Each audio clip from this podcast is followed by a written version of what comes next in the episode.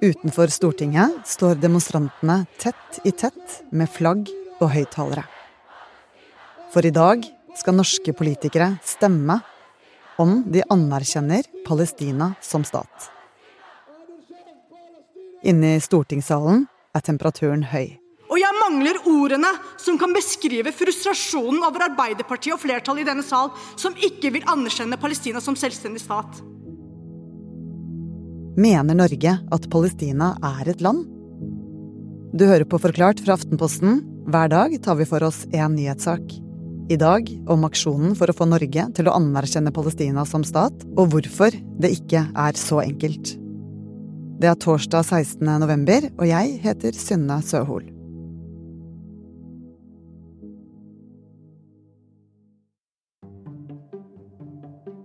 Støtten til Palestina er stor i Norge.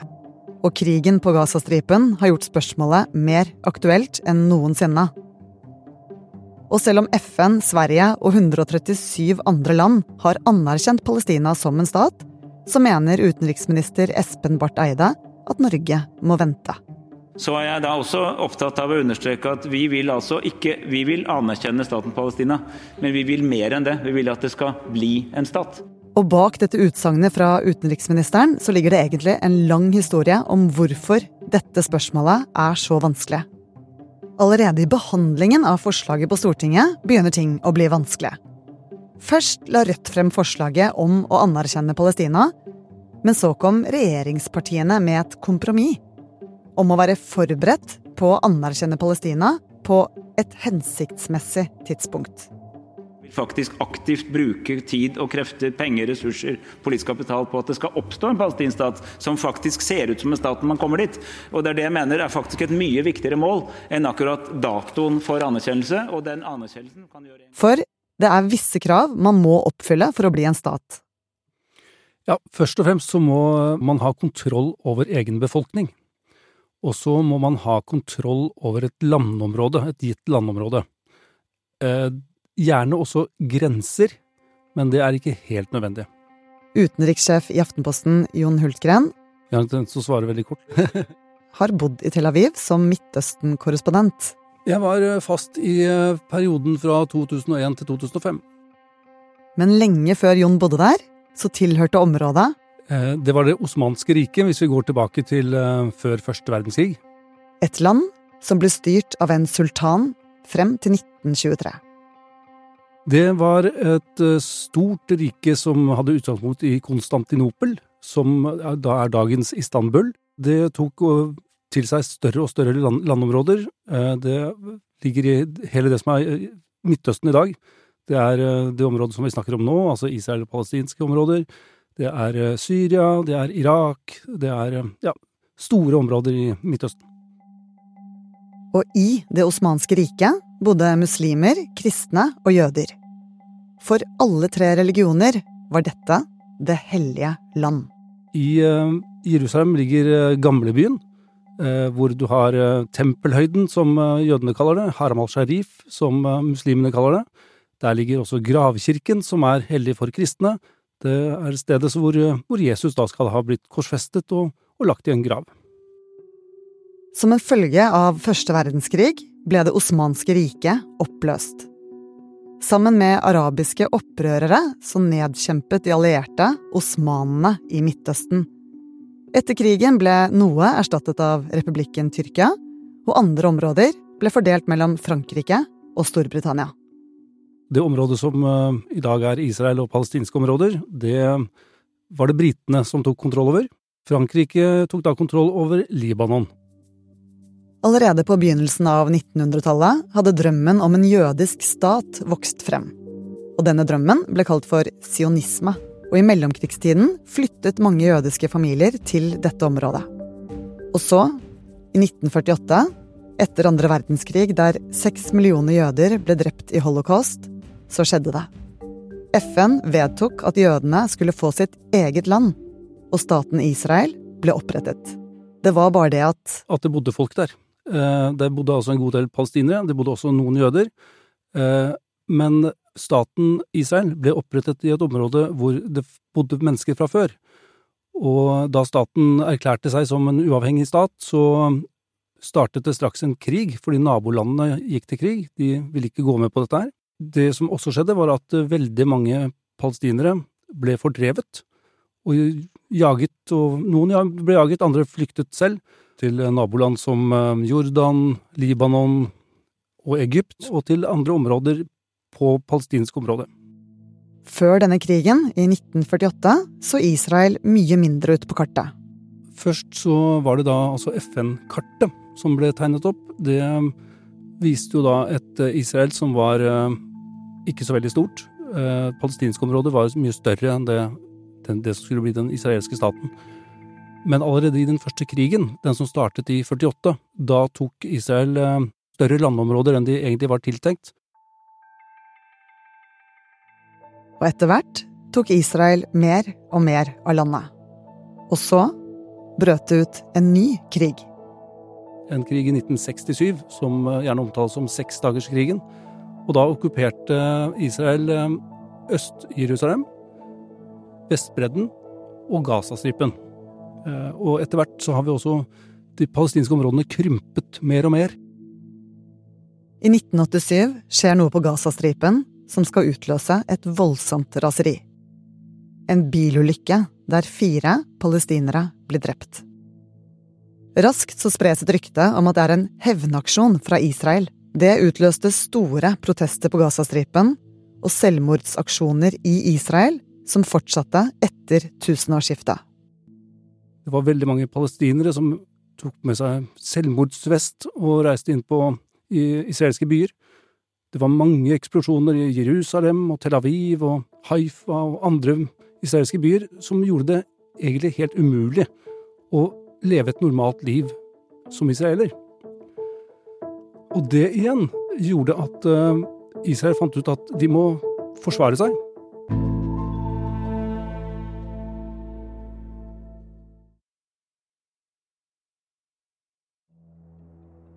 For å hindre selvmordsbombere inn i Israel, så bygget Israel en lang barriere langs hele Vestbredden. Noen steder mur, og andre steder gjerde. Jon, som bodde i Midtøsten i denne perioden, forteller om hvordan det preget hverdagen hans. Det som eh, var litt eh, vanskelig hver gang man skulle ut og spise, eksempel Jeg nevnte jo alle disse selvmordsbomberne. Eh, de kunne slå til hvor som helst og når som helst. Så da jeg gikk ut for å velge meg restauranter, så pleide jeg å se etter steder med få mennesker. Og endte veldig ofte på ikke de beste restaurantene, fordi der var det mange. Så eh, spesielt en indisk restaurant i Tel Aviv har jeg besøkt ofte. Og et sånt forhold har gjort det ekstremt vanskelig for partene å snakke sammen. Og siden 90-tallet har det vært flere forsøk på dialog, og også Norge har vært involvert med det som het Oslo-avtalen. Det var altså en avtale mellom Israel og palestinere som eh, skulle legge til rette for at det skulle dannes en palestinsk stat og en israelsk stat som kunne leve side ved side. Men sånn har det aldri gått. Det har aldri blitt noen palestinsk stat. Nå i dag er det fortsatt mange hindringer i veien for at Palestina kan bli en egen stat. En av dem handler om de kontroversielle israelske bosetningene på okkupert, altså palestinsk, område. Noen bosetninger er som en by med mange hus, barnehager, skoler og butikker. Andre er det som kalles ulovlige utposter, med brakker som etter hvert utvides til en by. For noen er dette forsteder med lavere boligpriser. Eh, så det er billigere for israelere å bosette seg der enn i Jerusalem, som er kjempedyrt.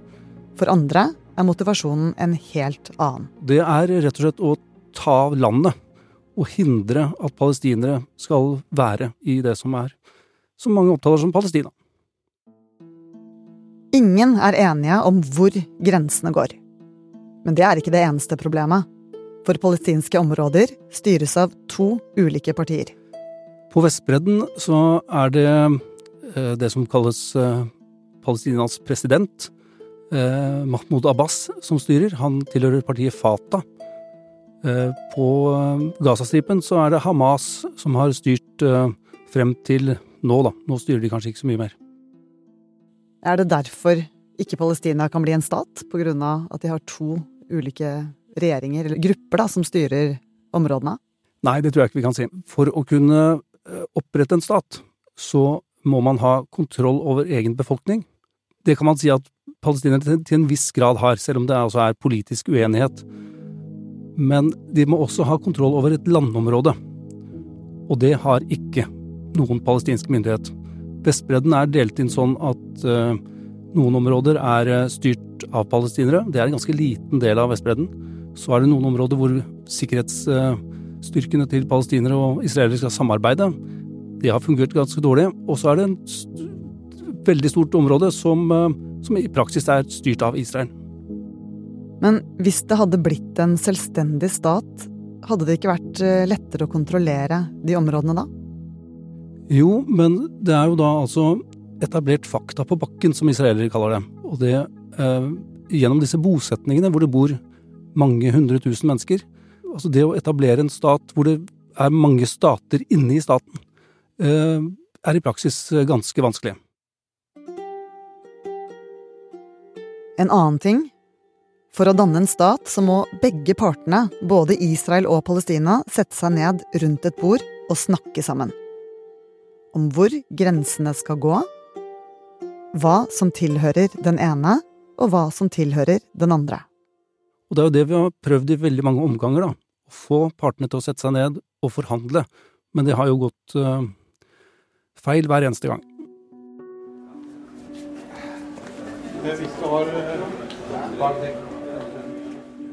Inne på Stortinget så mingler representantene.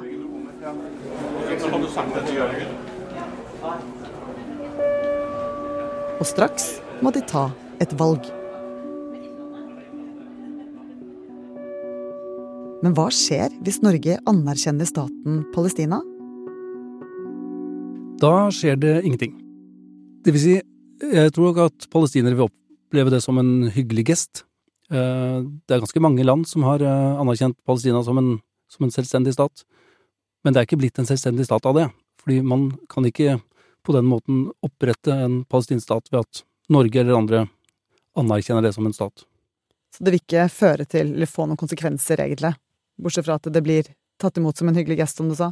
Det kan være at det får noen konsekvenser, kanskje ved at uh, israelere ikke vil se like blidt på Norge, fordi norsk utenrikspolitikk har hatt en tradisjon for å stille seg i posisjon til å kunne snakke med alle parter i en, i en konflikt. Hvis eh, vi anerkjenner en, en palestinsk stat, så vet vi at eh, Israel er imot at vi gjør det. Det kan være at de vil, vil oppleve det som, som en lite hyggelig gest.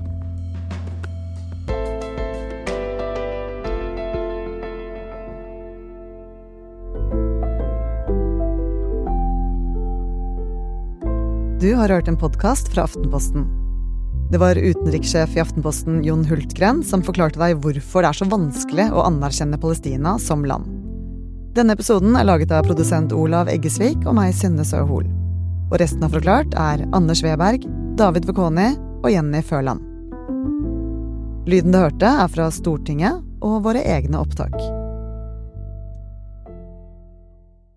Hva er det vi syns er morsomst å prate om? Alt vi scroller på. ikke sant? Og det liker vi å prate om sammen, men også med våre fantastiske gjester i Poprådet. Og sammen prøver vi å bli litt klokere. Få litt mer ut av det vi har i feedene våre, og se om det kanskje også forteller noe om den verden vi lever i. Hør på Poprådet hver tirsdag i Podme eller i Aftenposten-appen.